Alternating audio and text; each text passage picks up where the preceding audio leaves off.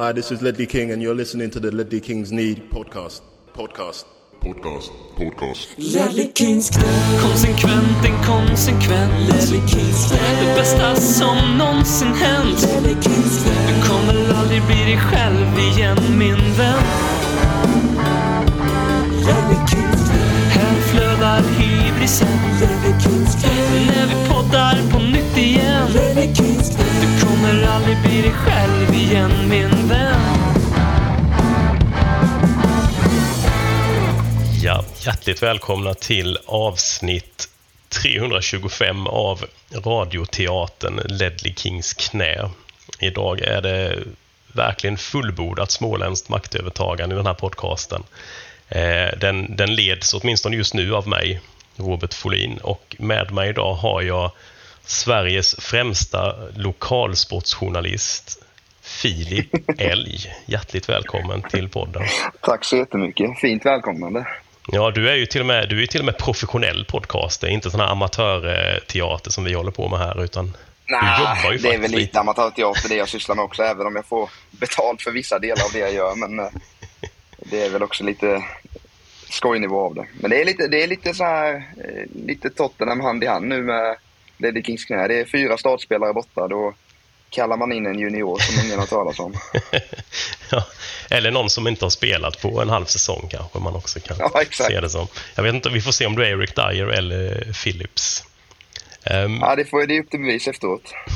ja, du jobbar ju på Smålandsposten med eh, lokalfotbollen där. Det är väl så vi kom i kontakt med varandra. Vi är väl ifrån, du är från, är du Väckelsång? Väckelsång, Ja, ja, vi är från samma Stämmer. kommun åtminstone. Exakt. Eh. Söder om Växjö. Jajamän. Eh, ja, och på något vis så, ja, vi delar liksom det här, vi, vår brist på förnuft har lett oss båda in dels på lokalfotbollen i, i eh, Småland och till Tottenham Hotspur. Ja. Hur kom det sig att det blev Tottenham för dig? Eh, familjearv. Eh, farsan, uppvuxen Tottenham-supporter och eh, jag ville ju vara lite anti när man var lite yngre. Eh, så det var oftast att jag höll på lagen som spelade mot Tottenham faktiskt, när man var lite yngre.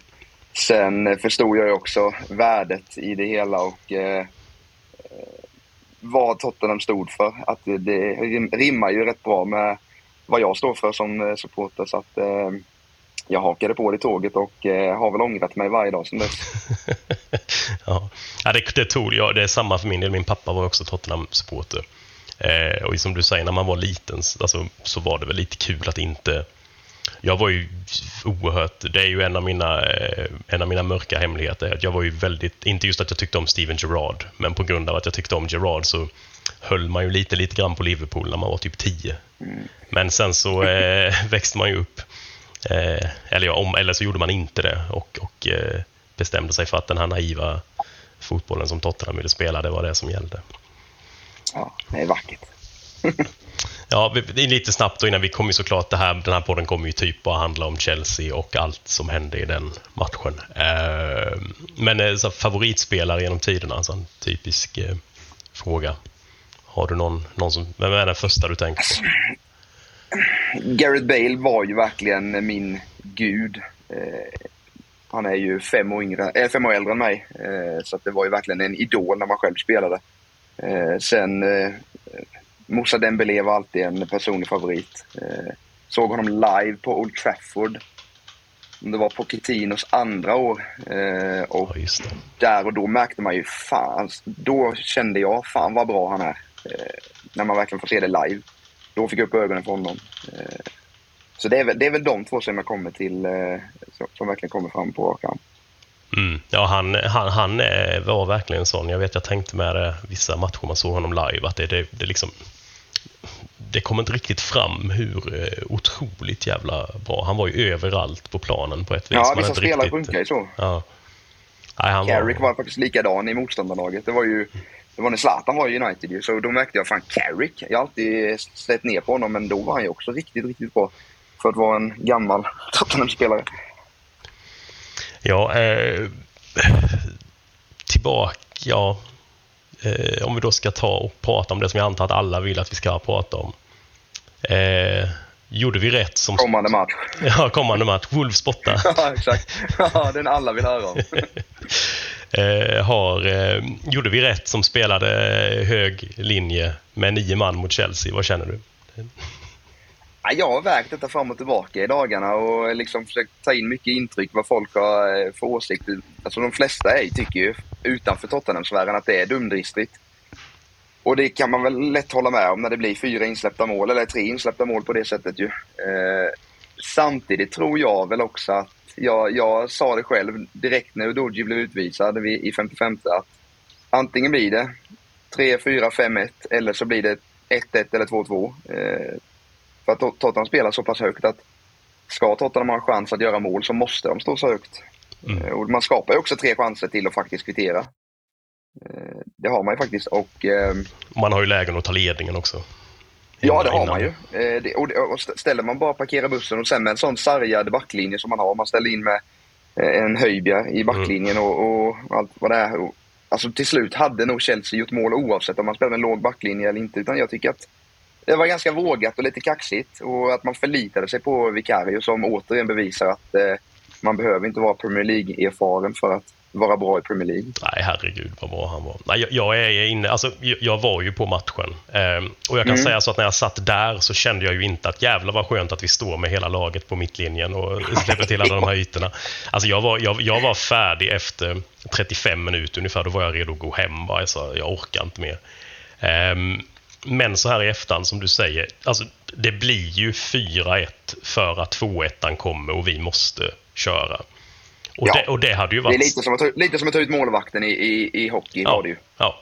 Vi, och, och vi hade ju... Hade, jag, jag, jag, jag tror att de hade gjort 2-1 även om vi hade backat hem och då hade vi behövt försöka trycka framåt oavsett.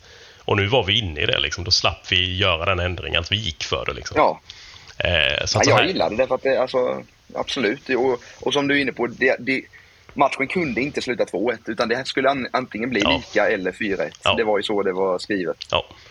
Eh, och nu, nu slapp vi. Alltså, och det här laget nu, de har ju...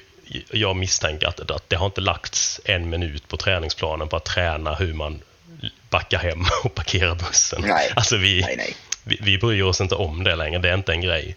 Och eh, som sagt, då, där och då så hade jag önskat att alla hade bara ställt sig på mållinjen och täckt liksom varenda, så den gick att skjuta in en boll och bara stått där. Men eh, det ändrade man ju sig ganska snabbt över sen. Ehm, när man har reflekterat lite på det. Och det går inte att analysera Ja, heller när man är på plats för att man blir ju helt, eh, ja, man är ju helt förstörd bara.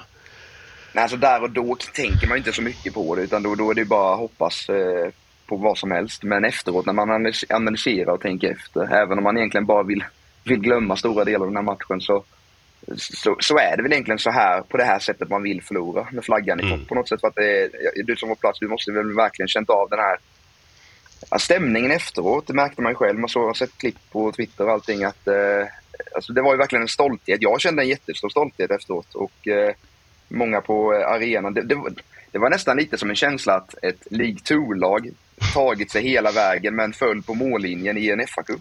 Mm. Och att då hyllades som det. Nu är ju ändå Tottenham, skulle jag säga, bättre än Chelsea hösten 2023. Ja, ja, absolut. Eh, Det visar ju tabellen också. Så det är ju ingen underdog story på så vis. Men eh, på sättet det liksom lades fram efteråt så, så var det ganska vackert måste jag säga. Så jag hade en del, jag en del Chelsea-kompisar. Liksom, de var ju mer frustrerade efteråt än, än vad jag var. Mm. Alltså, jag tycker vi är ju bättre än dem hela matchen trots att vi spelar med nio man.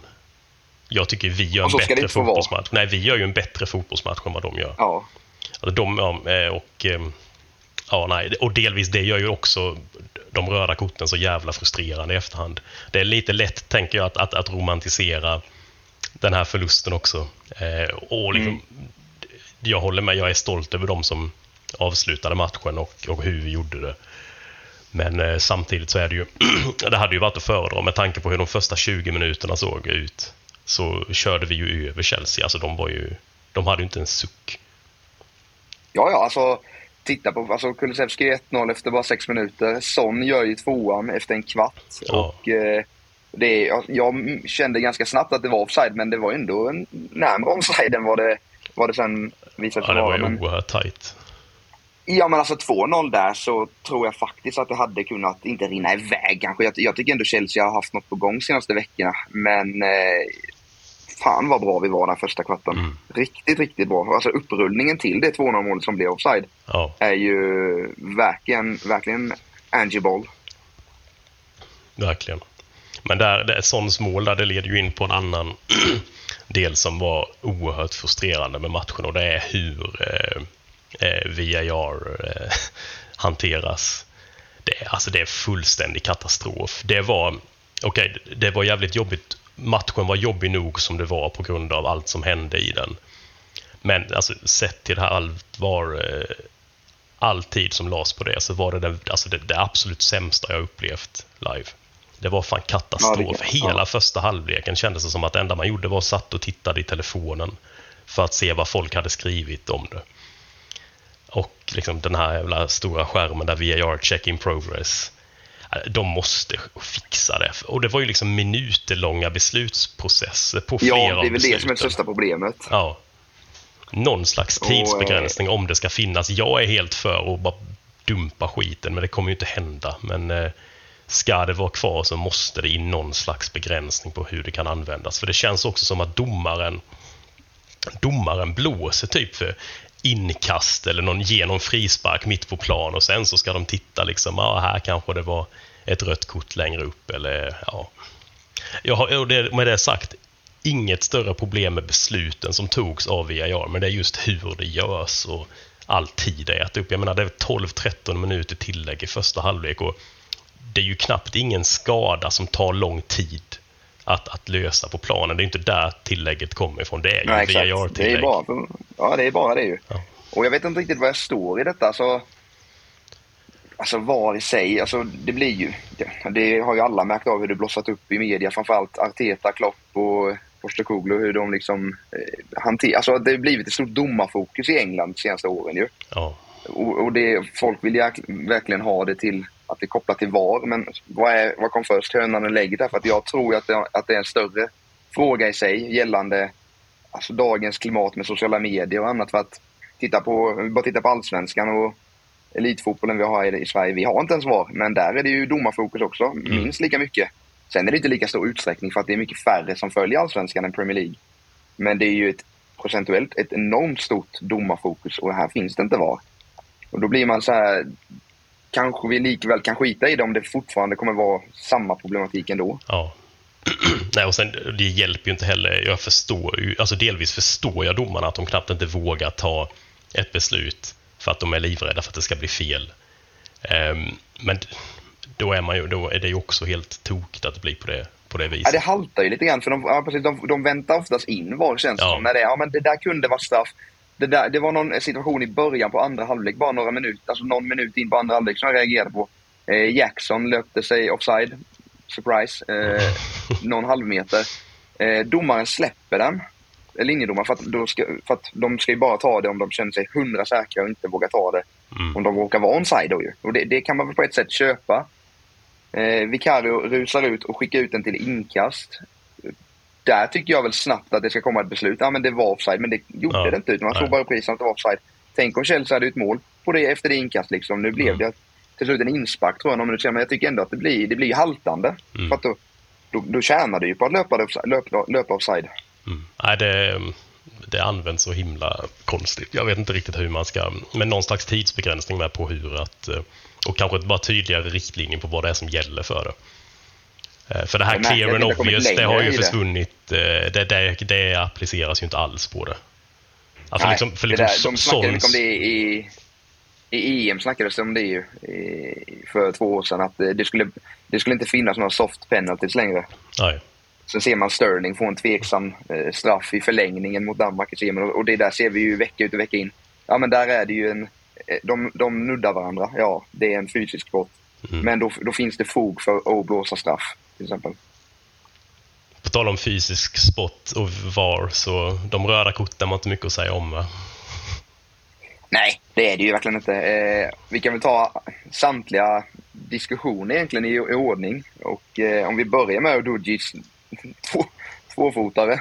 Ja, Så eh, han får ju gult. Eh, han träffar ju inte så mycket, men jag, jag lever efter devisen att du ska inte behöva träffa en spelare och skada honom för att få ett rött kort. Nej. Utan eh, det är en vårdslös satsning och jag tycker att det absolut skulle kunna vara ett rött kort på Udoji Mm. efter bara några minuter. Jag tycker det är en jättekorkad tackling att göra också vid ett sånt, eh, ett sånt läge. Situa- Som situation. Mm. Nej, det är absolut. Det Sen, är, eh, håller med. och sen efterföljning. Men den, sen tycker jag den där eh, på Romero. Nu, är det, nu blir det lätt att man pekar ut Romero som eh, en vilde som man borde bara visa ut och att han spelar fult och allt det. Och det är ju ingen snygg eftersläng kanske han gör på, är det, Co- är det eh, Colwell som får den va? Ja, jag tror det. Ja, den tycker jag bara är en liten fösning. Alltså rött ska det inte vara. Eh, ett gult kort skulle kunna, sk- skulle eh, stödjas i alla fall. Mm. Men det ska väl ändå krävas, alltså visst, man ska inte göra några efterslängar men det var Nej, inte men det, var ingen, det finns ju efterslänga och det finns efterslänga. Som, Ja, ju och som, jag tror att eh, om det hade varit en spelare som inte är Romero som hade gjort något liknande och om inte Colwell hade kastat sig där utan han inte han bara spelat vidare då hade man inte ens tänkt på den situationen. Det Nej. blir ju lite mer uppförstorat för att det är en som spelare tror jag. Ja, absolut. Ehm, nej, och som med, med Udogo också, jag håller med dig. Den, den satsningen in som han gör där, där har han ju jävligt tur att han Ja, inte får mer verkligen. än, än det där. Ehm, Ja, ja. Vad har vi mer sen som händer? Ja, mål där. Ja, när, när Romero... Ja, just det, när Romero blir utvisad för den straff. Och det är väl inte Ja. mycket om... När jag såg det först så tyckte jag det såg lite... Eh, lite soft ut, men visst, sen när man ser det på han, det är ju en, alltså, det är en klumpig jävla spark. Visst, han sparkar bort bollen, men det är ju, ja... Nej. Det är ju Eh. nästan Marcus Danielsson mot Ukraina. Ja. Vibbar på den faktiskt. Hur han liksom sparkar bort boll men alltså, han fullföljer och han vet ju vad han gör Ja, ja, Han är ju... Det är synd för att det är en spelare man har pratat mycket om under säsongsupptakten. Att han har liksom varit väldigt lugn. Det var väl någon statistik för några veckor sedan att han bara dragit på sig en frispark. mm, Eh, och det var lite eh, Romero i, i VM-slag, så som han var i Qatar. Han kändes ganska städad. Han känns mycket mer städad i landslaget. Eh, men nu var det verkligen, han, var ju, han ville ju bli utvisad kändes det som. ja Han var nej, där, där, hade, övertänd ju. där hade ju brunnit i huvudet där på honom ju. Eh, Ja. Jag misstänker att det, det kan vara någon kombo med kanske. Att jag, jag misstänker att, att Ernst eh, gav ett ganska så... Eh, vad ska man säga? Ett, ett tal, ett brandtal av, av rang innan matchen också. Att det kanske är steg vissa till huvudet lite väl. Ehm, men sen är det så liksom med Romero. Jag ser en del prata sådär om vad man ska göra med honom och bla bla bla. Alltså han, det är ju han. Det kommer nog hända att kan han bara ställa Ja. bort det så, mycket som han har gjort hittills så får man nog köpa att det kommer brinna till ibland. Det är ju delvis därför han är den han är också. Eh, och jag menar, det är som om du ser på Sergej Ramos eller liknande sådana försvarare. Ja, exakt. som, Jag tänkte samma lag. Ramos och Pepe i Real Madrid. de var ju sådana hela de karriären. De var ju sådana hela karriären. Ja, ja, ja, det är exakt. Det är den karaktären jag tror man behöver också. Mm. Eh, just sådana här matcher. Sen, får det liksom, det, sen måste det hålla det i rätt balans. Det gör han inte denna gången. Hade han kunnat göra det, alltså, vi tar bort den där situationen som han gör på Enzo. Alltså, och han spelat vidare och gjort Mm. en bra match. För att I övrigt är han ju han är ju bra annars ju. Ja. Absolut. Nej, Men den tycker jag inte jag var mycket att orda Nej, om. nej, nej, nej, Den är svår att snacka bort. Det Det var konstigt med för inne på arenan då, när han hade fått det röda kortet så visade de faktiskt den lilla snutten där han sparkar bort bollen. Från en ganska konstig vinkel. Vilket då gör att de flesta runt börjar bara skrika att “He's kicking the fucking ball!” Och så blir ju alla blir förbannade över det. Men, och då, Medveten. Ja.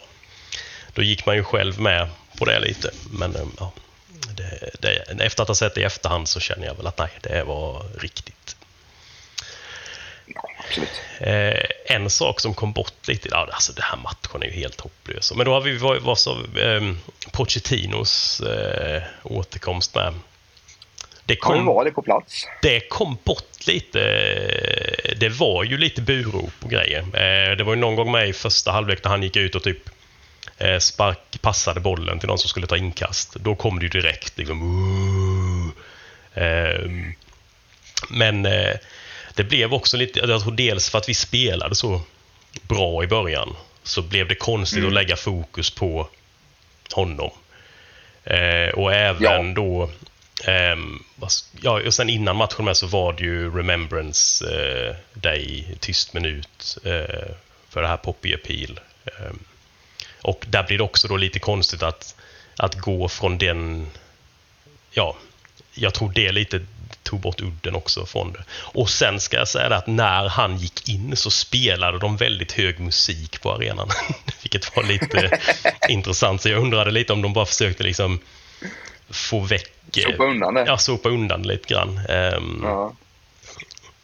men för överlag så var, var jag, eh, folk jag pratade med så är folk inte jätte... Och jag tror inte hans försök till någon sån här PR eh, eh, insats veckan innan hjälpte honom åt något håll egentligen. Jag tror verkligen inte det hjälpte åt Chelsea-håll för det var mycket konstiga ut, uttalanden där och, och de flesta Tottenham-fansen jag pratade med kände ju bara att det här blir bara ännu konstigare. Nu liksom, det var någon som sa I wasn't gonna boo him but now I fucking have to. Liksom. Han, ja, men det blir lite... Han målar in sig i ett hörn lite grann där ju. Ja, liksom bara vara tyst och ta det, tänker jag. Det är nästan... Ja.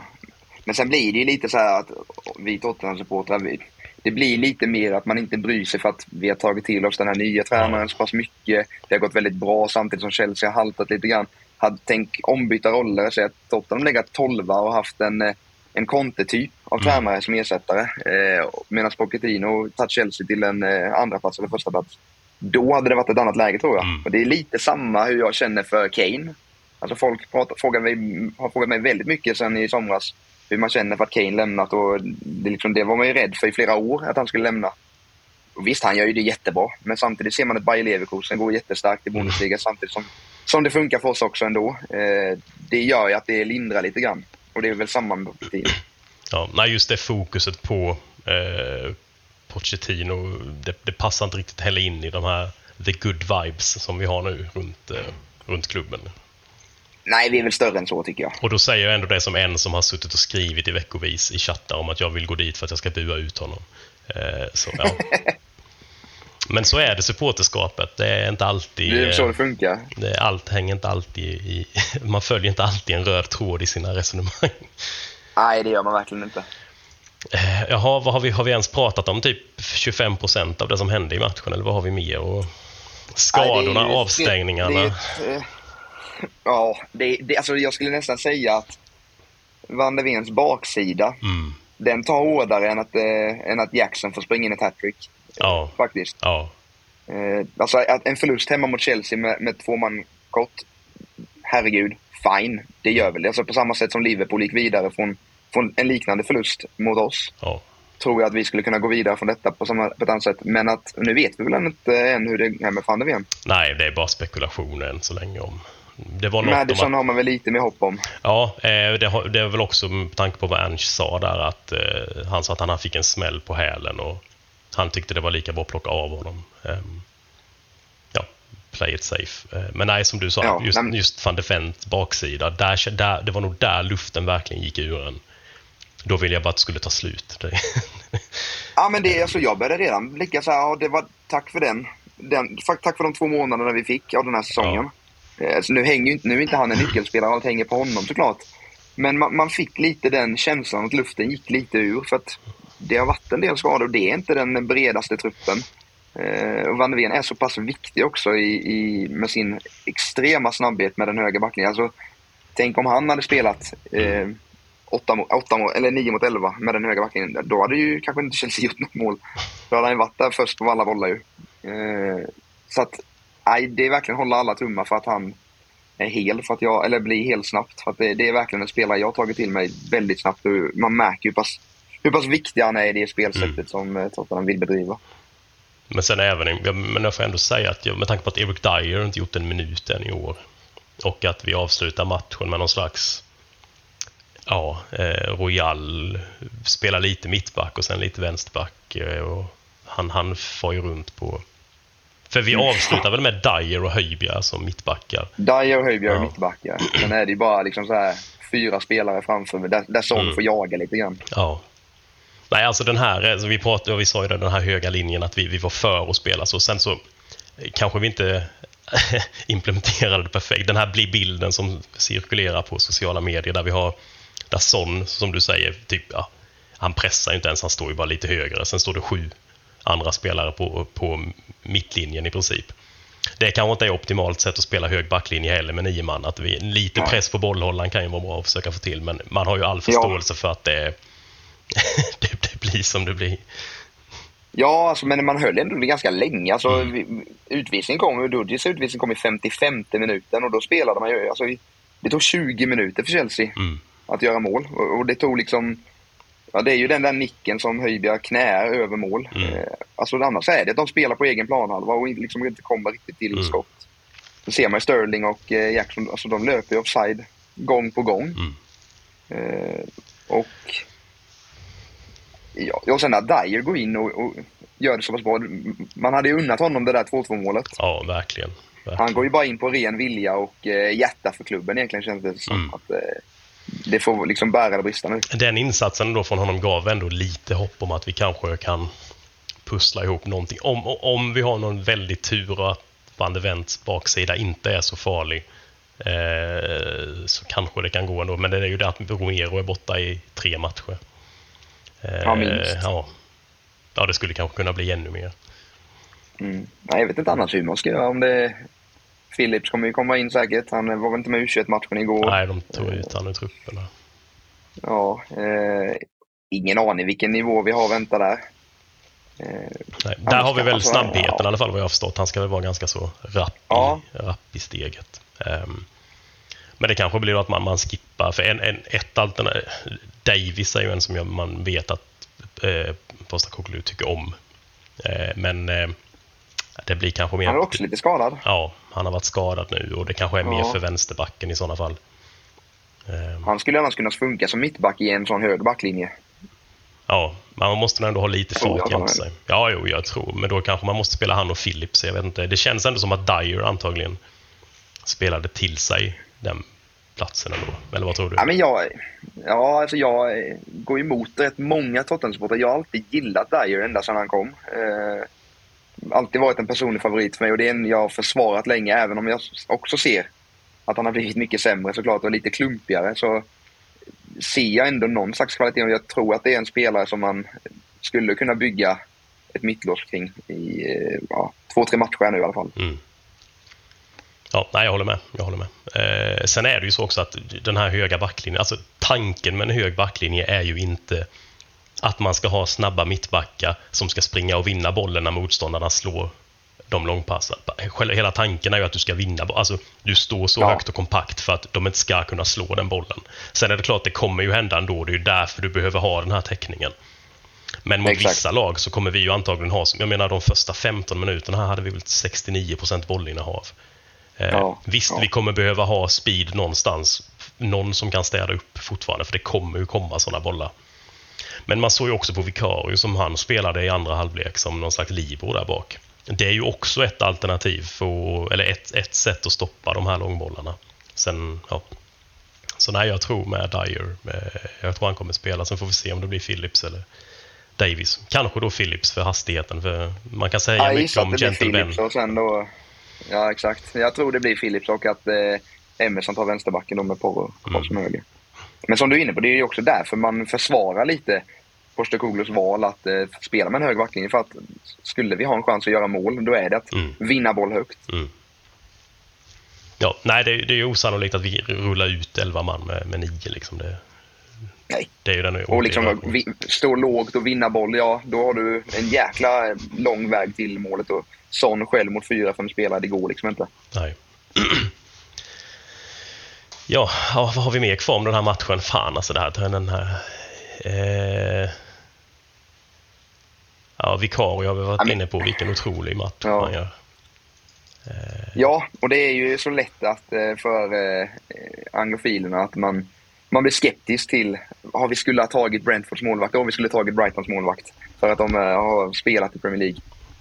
Men titta vad, eh, vad vi har fått fram nu från Serie A de senaste åren. Det är ju guldkorn och betydligt billigare eh, alternativ också. Mm.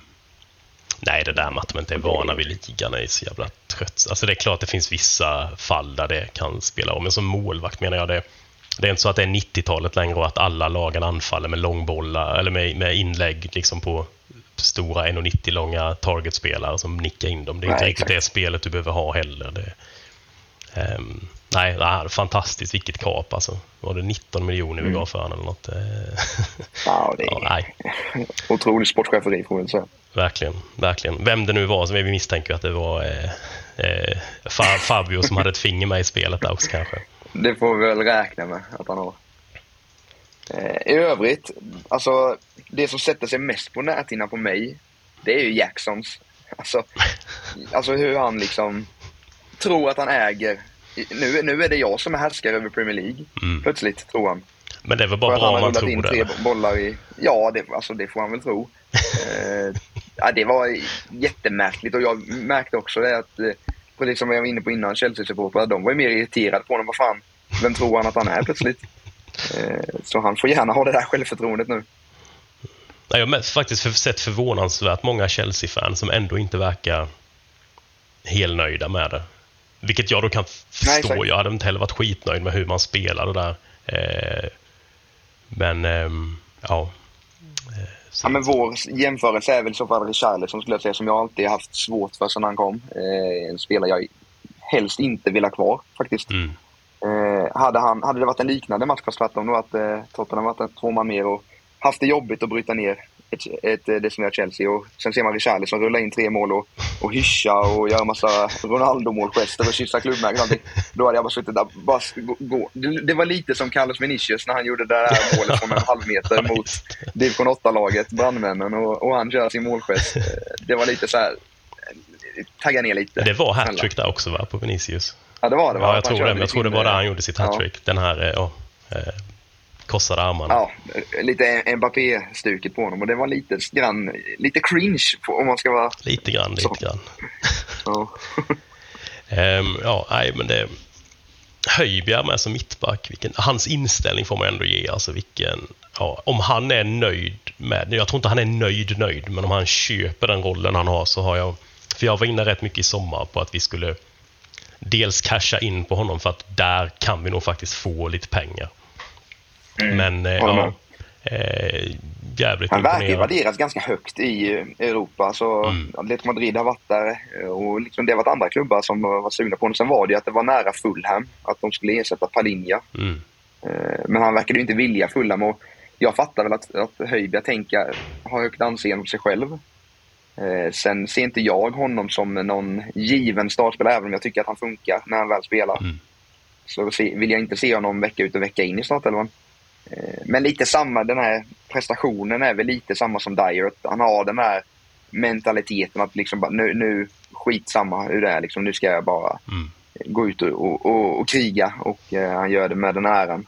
Eh, sen fattar väl jag också att det är en spelare som du kanske inte har råd att ha på bänken sådär mycket. Nej. Nej, som sagt, så- han, så som han har köpt det hittills så ska han ha all heder för det verkligen. Alltså det, jag tycker han de gångerna han har uttalat sig om det också så har det varit himla rätt allting. Det har, liksom, det har varit noll fokus på att det är orättvist mot honom. Utan det har bara varit om att det är upp till honom att se till att han får spela. Det är, det är ju det man vill ha, inget jävla gnäll. Utan, och då är det en spelare som har gått från att i princip starta varenda match de senaste två, tre säsongerna. Alltså han har ju knappt missat en minut eh, till detta.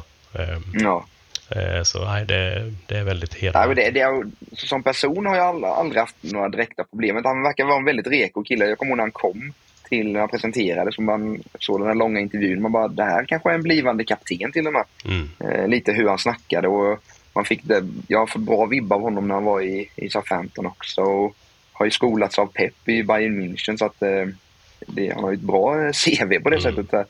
Men det är väl lite att jag tycker han är lite, inte riktigt så som jag vill spela fotboll jämfört med Sarro och Bissoma till exempel som han konkurrerar med. nej. Nej, Sarme var otroligt, eh, otroligt fin tycker jag. Han är satan vad, vad spännande han är. Otroligt smart spelare också. Ja. Det han, får mycket, han får mycket cred för hur, hur han springer och liksom att han är atletisk. Då är han ju också, men jävlar vad smart han är. Han dyker Ja. upp, alltså, ja, han täcker yta. Alltså, Länkspelare, kombinationsspel Ja, också. Ja, verkligen. Alltså springer rätt hela, hela tiden. Ja, han springer mycket, men han springer fan rätt. Hela, varenda, varenda löpning han tar i princip känns det som att det. Ja, nej, otroligt. Sen gillar jag den lilla utvecklingen han fått också. Är, han eh, görs ju ner, eh, får med sig en frispark. Men istället för att liksom ta bollen och slita in den, då ställer han sig upp och står upp för sig själv och liksom bufflar lite, bröstar upp sig och det gillar jag. Eh, han, har, han har vuxit där. Mm. Han var lite valpig innan tyckte jag. Eh, men han har verkligen tagit eh, den här startplatsen på, på på rätt sätt genom att växa med det.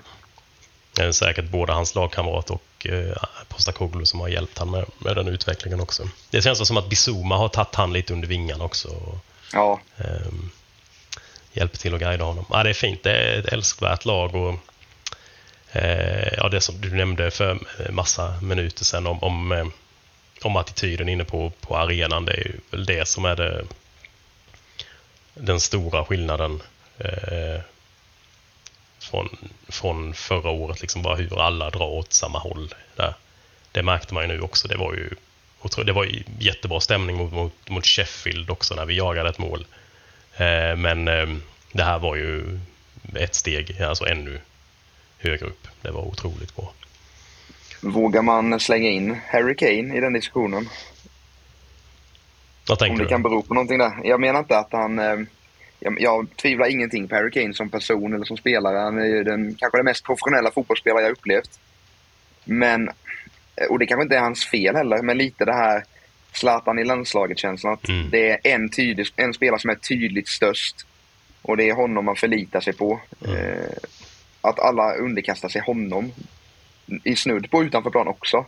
Nu är det lite mer gruppharmoni där ja, men det är de tre kaptenerna. Eh, Son, Madison, Romero. Plus då en sån som Bissoma. Det är lite deras lag nu. Mm. Vi sett de här klippen här om veckan när de var ute och käkade allihopa.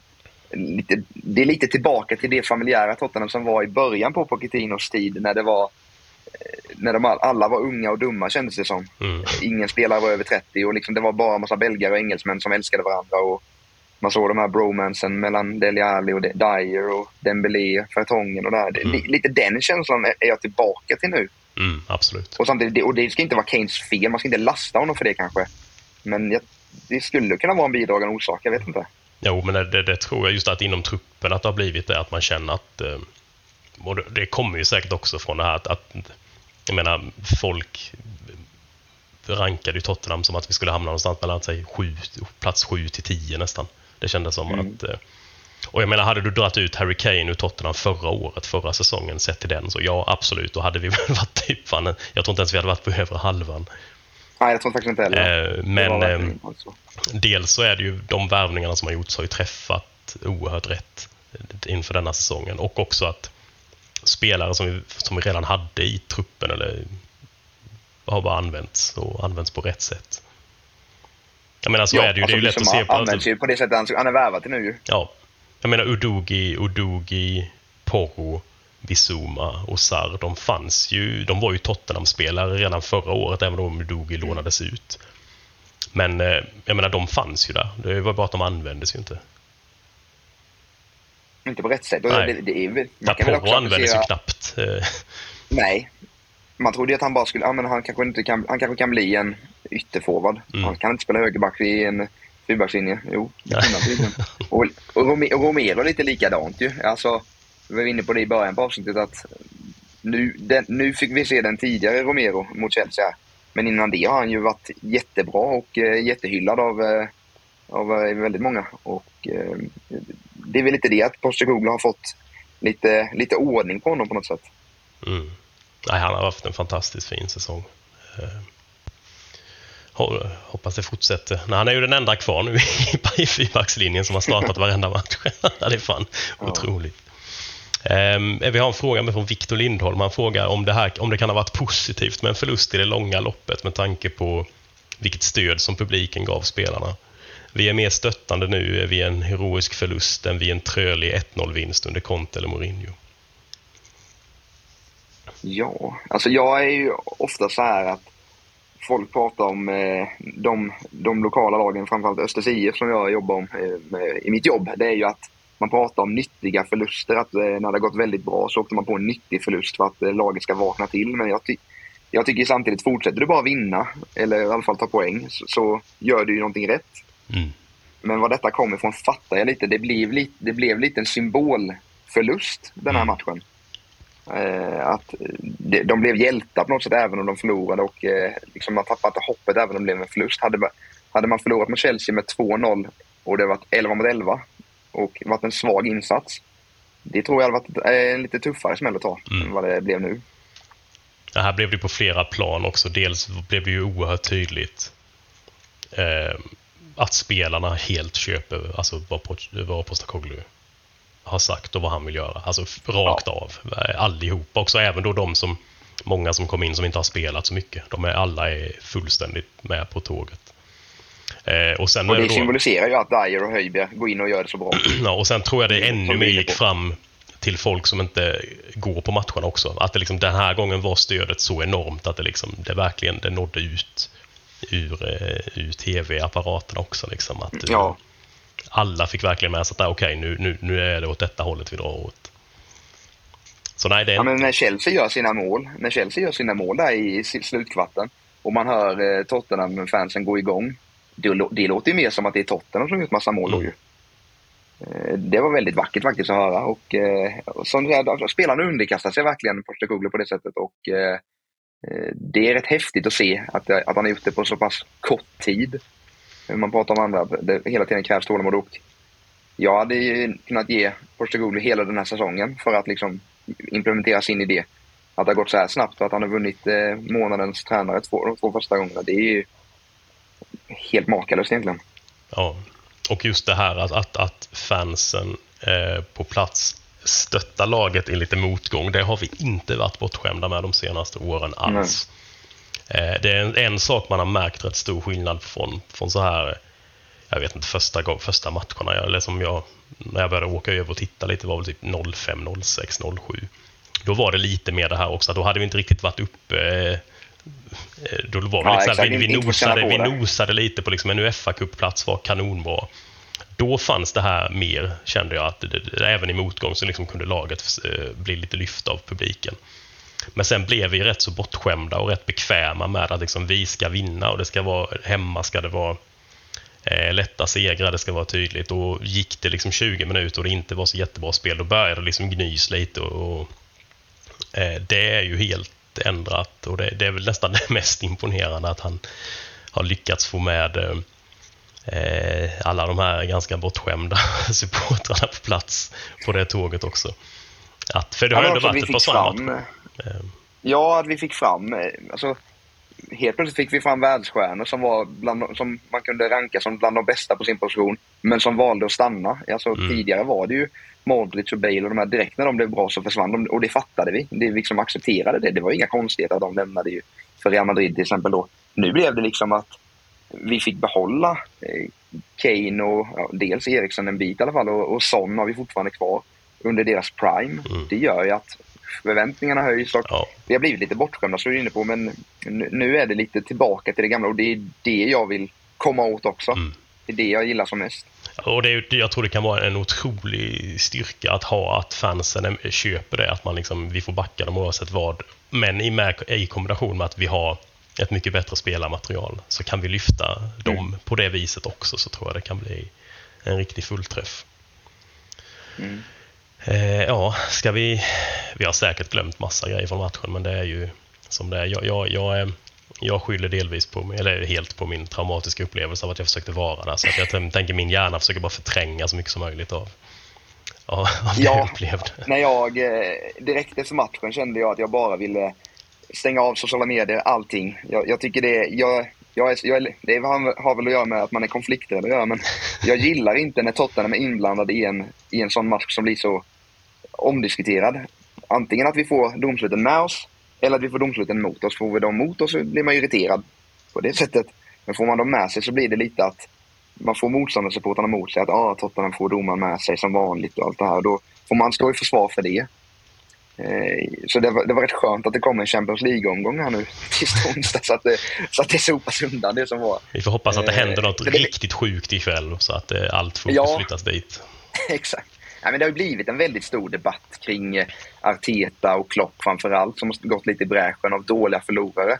Eh, framförallt Arteta, det varit mycket och då blir det ju känsligt när, mellan Tottenham och Arsenal. Då, då Tottenhams tränare de senaste veckorna verkligen i hela världen har eh, lyfts upp som någon slags gud, att han gör allting rätt. Och jag fattar att det blir en irritation i andra klubbar, att man, då vill man snabbt vara en, eh, en sån som är lite motvalls och liksom nu börjar jag bli trött på Postecoglou, att han säger sådana saker, att det är liksom skådespel och sånt, att man vill syna en bluff direkt. Och det, jag, blir, jag blir lite så här ge fan i vår tränare. Ja. Liksom, så.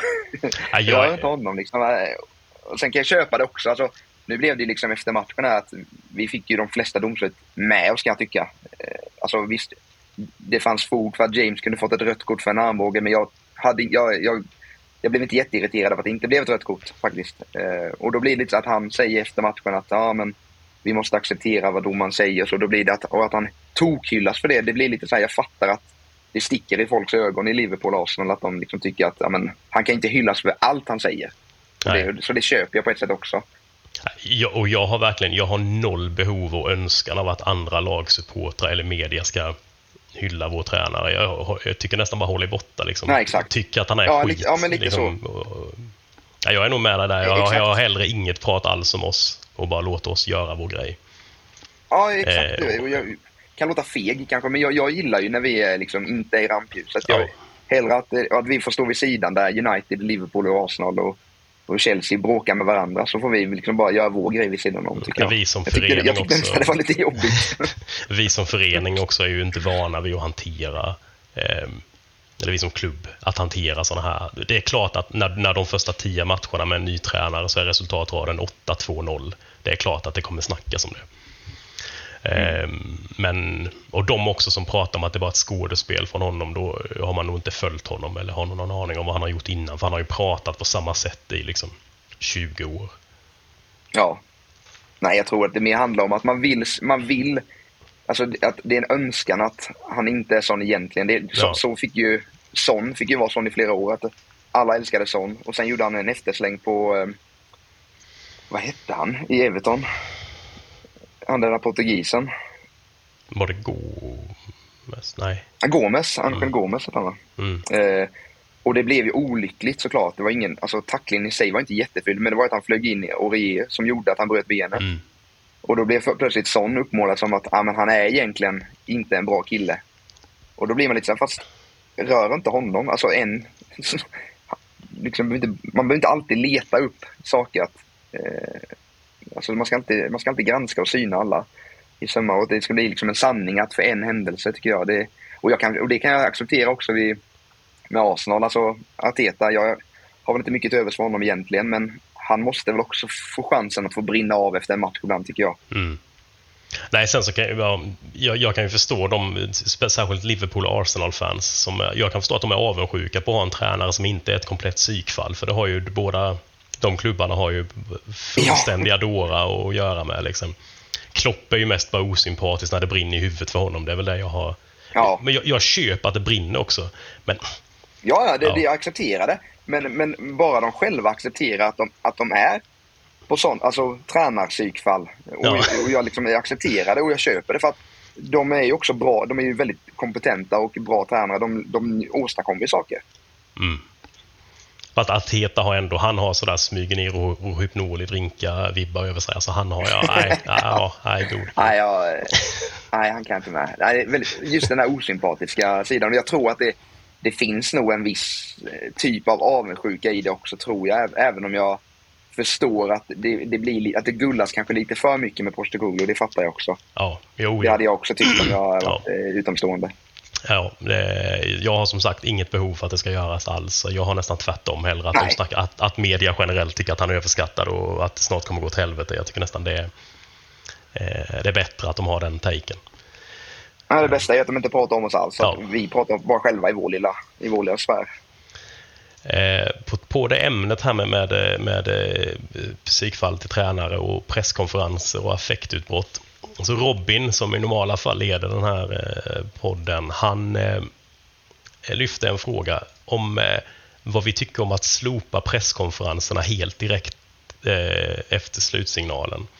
Han tycker att det, att det kan vara nödvändigt nu att låta det, liksom, låta ske en 12-24 timmar efter matchen istället när det liksom så slipper man de här affektutbrotten. Vad tänker du som journalist kring det? För jag tänker det är ju ändå, som fan är det väl rätt lätt att säga ja det hade varit skönt att slippa lyssna på. För att själv Ja. konsumerar man ju det ändå. Det ger ju inte mig något så mycket egentligen vad en tränare säger direkt efter match. Kan, kan jag tycka. Alltså det kan lika gärna komma dagen efter för min del. Vad har du för Ja, det, blir, det blir ju mest, det har ju mest blivit, alltså vad tränare säger efter match i affekt, det har ju mest blivit en grej för supportrar på sociala medier att spinna vidare på och, och göra case av. Och göra roliga, göra sig lustiga över och hitta billiga poäng, vilket jag tycker det, det fallerar då. Så jag köper helt och hållet det Robin säger här faktiskt. Att, nej men jag tror inte att vi hade vunnit. Jag tror det skadar mer än vad det gör nytta faktiskt. Eh, alltså jag följer väldigt mycket NHL och där är det ju liksom i princip förbjudet att prata domarinsatser. Mm.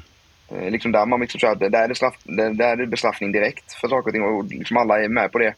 Och det, alltså det är sällan det, det blir några domardiskussioner på sociala medier bland supportrar utan då pratar man hellre om dåliga prestationer på spel och sånt. Och det, det är ju ofta, ofta ett lätt sätt för både tränare, Mourinho började med det, han blev en mästare på det, men också för supportrar att ja, men skit i att vi är dåliga, vi har ju domaren mot oss. Mm.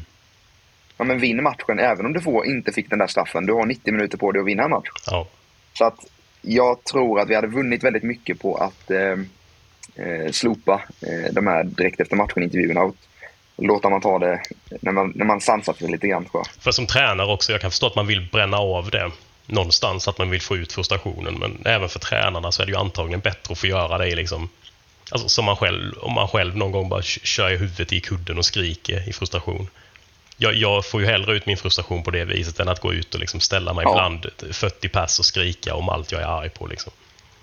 Att, Ja, men snackar vi Arteta så tror jag att han hade, han hade hellre känt nu några dagar senare att jag kanske skulle sagt något annorlunda där. Även om han ville få ut sitt budskap så tror jag att han innerst inne känner att jag kanske, hade jag fått göra om det så hade jag nog inte sagt på det sättet. Och det blir, det blir ju att han eldar på det ännu mer för att han blir ju som en, alltså om man ska se varje klubb som en sekt så blir han ju en sektledare. Eh, han, han eldar, det han säger är lag för Arsenal-supportrarna.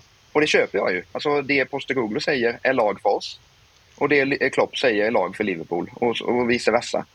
Så att där tror jag att man som sektledare, med citattecken, skulle må bra av att eh, det skulle bli ett bättre klimat bland supportrar tror jag.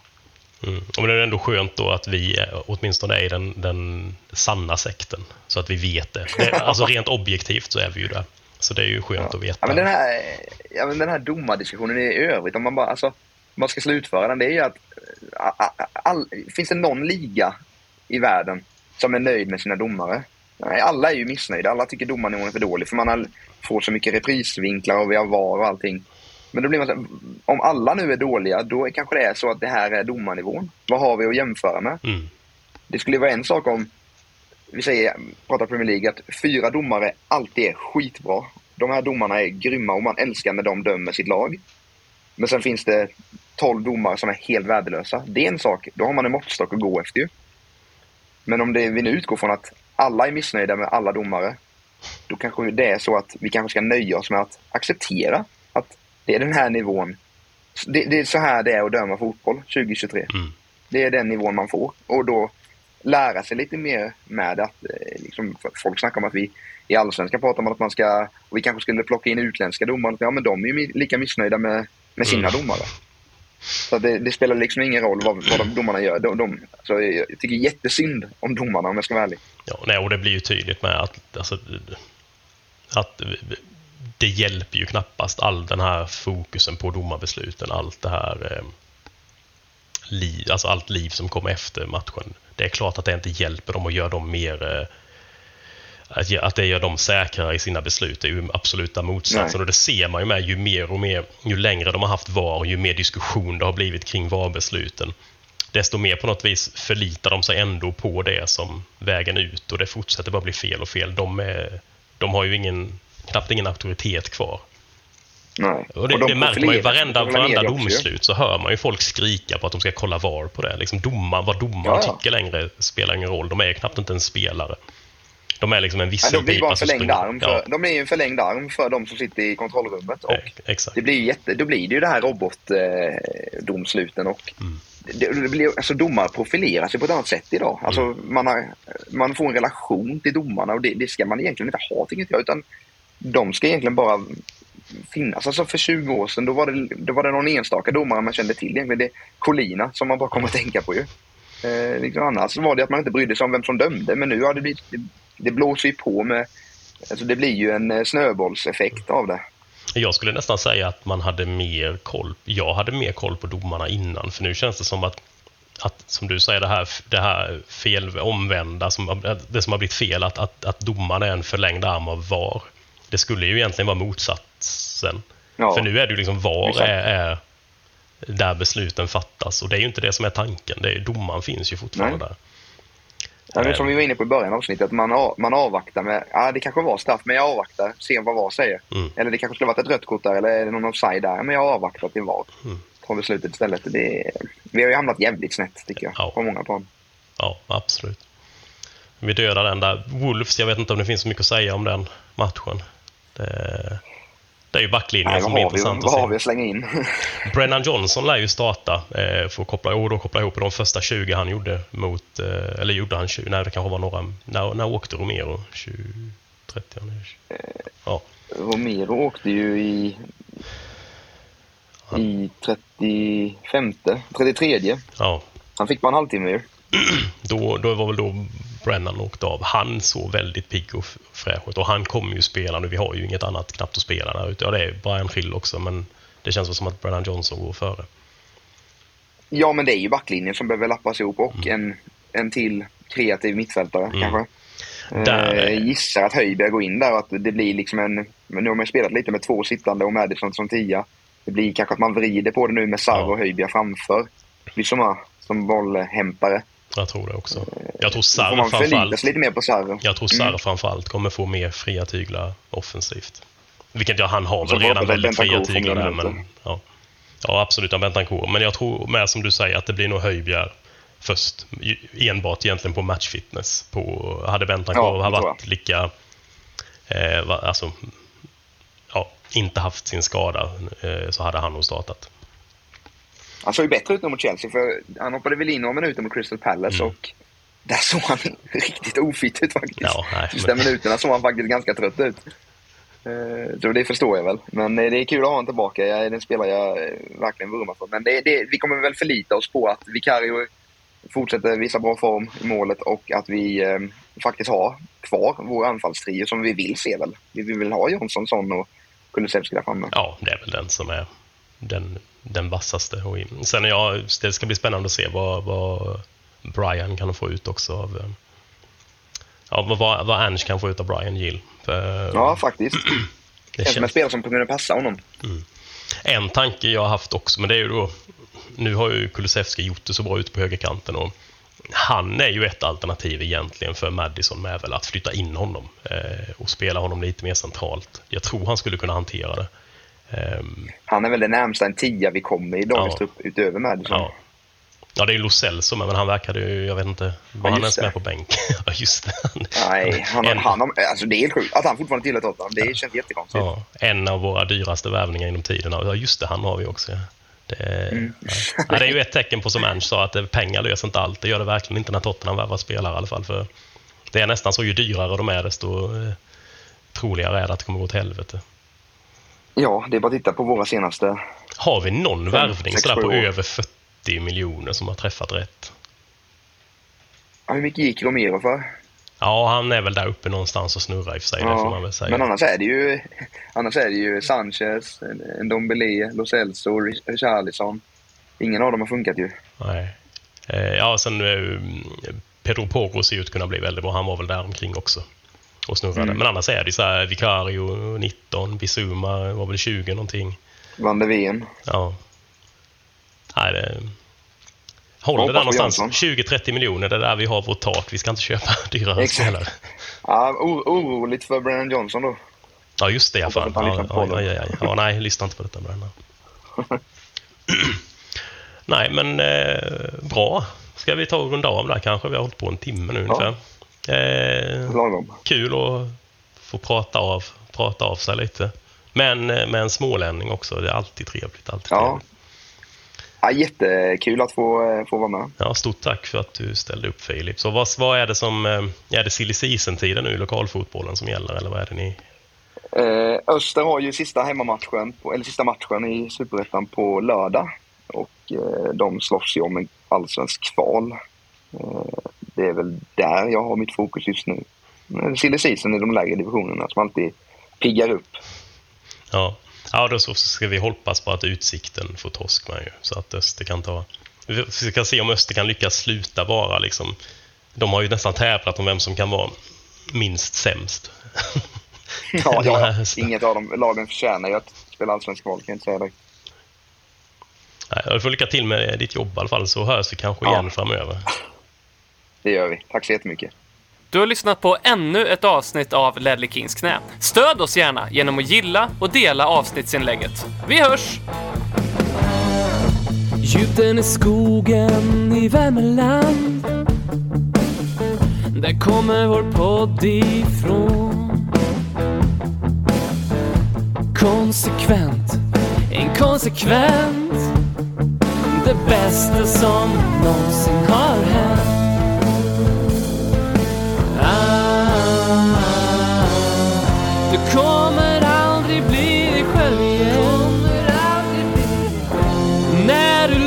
lyssna på Radioteatern Nej, du kommer aldrig bli dig själv igen